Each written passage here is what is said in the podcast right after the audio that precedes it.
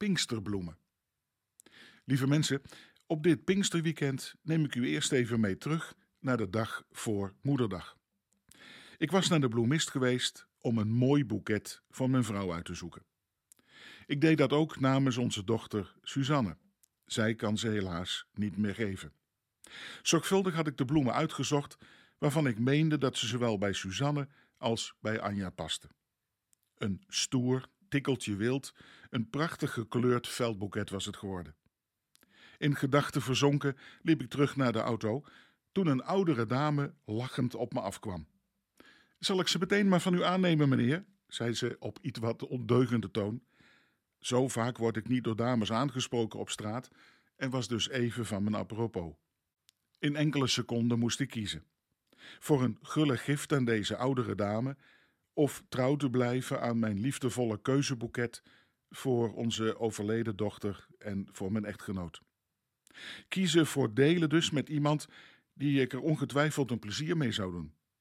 Of een nieuw bosje voor haar kopen misschien. Ik mompelde goed bedoelend nog wat tegen die mevrouw, maar ik heb eigenlijk nog steeds spijt voor mijn keuze.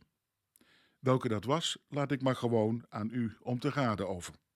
Maar misschien veel belangrijker is de vraag: wat zou jij hebben gedaan? Ik vertel u deze geschiedenis juist rond het Pinksterfeest. Pinksteren wordt ook wel eens als de verjaardag van de christelijke kerk gezien. 2000 jaar geleden kwamen duizenden toeristen uit de hele wereld naar Jeruzalem om daar het Joodse oogstfeest te vieren. En op die dag hoorden al die mensen in hun eigen taal de woorden van Jezus' boodschap. De geest van God, die kwam als een windvlaag, waarmee de kerk ook de eerste wind in de zeilen kreeg, zou je kunnen zeggen, maar die raakte ook mensen diep in het hart, in hun geloof en in hun denken, waarvoor ze ook in vuur en vlam werden gezet voor het evangelie.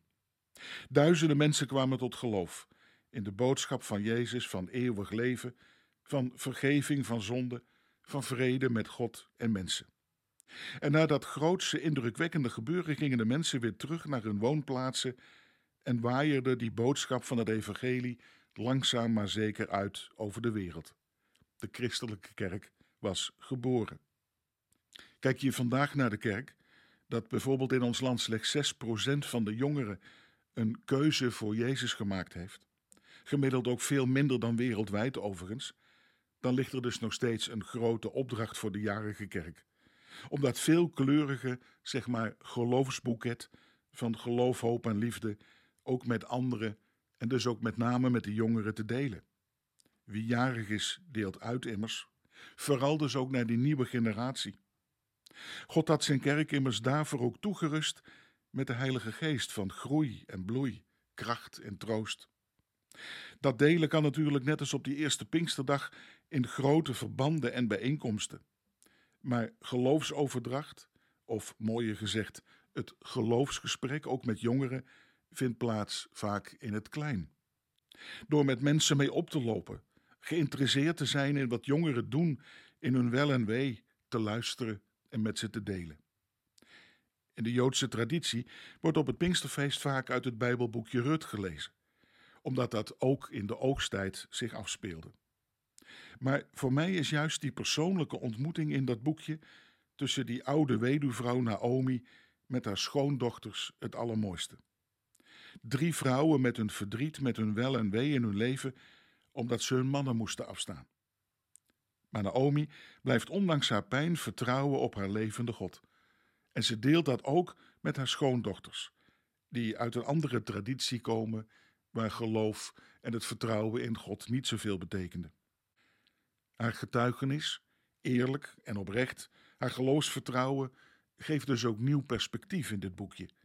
En een van haar schoondochters, Rut, zal zelfs in de familielijn van de Messias komen. Zij heeft de geloofstaal van haar schoonmoeder verstaan, blijkbaar. En zo mogen we denk ik ook na Pinksteren, met de hulp van Gods geest, ons best blijven doen aan te sluiten op de taal van de mensen, ook de jonge mensen van vandaag. Met de taal van geloof, hoop en liefde van Jezus. Opdat ook zij mogen bloeien en groeien als prachtige, veelkleurige bloemen in de tuin van Gods koninkrijk, waar ook zij niet gemist kunnen worden.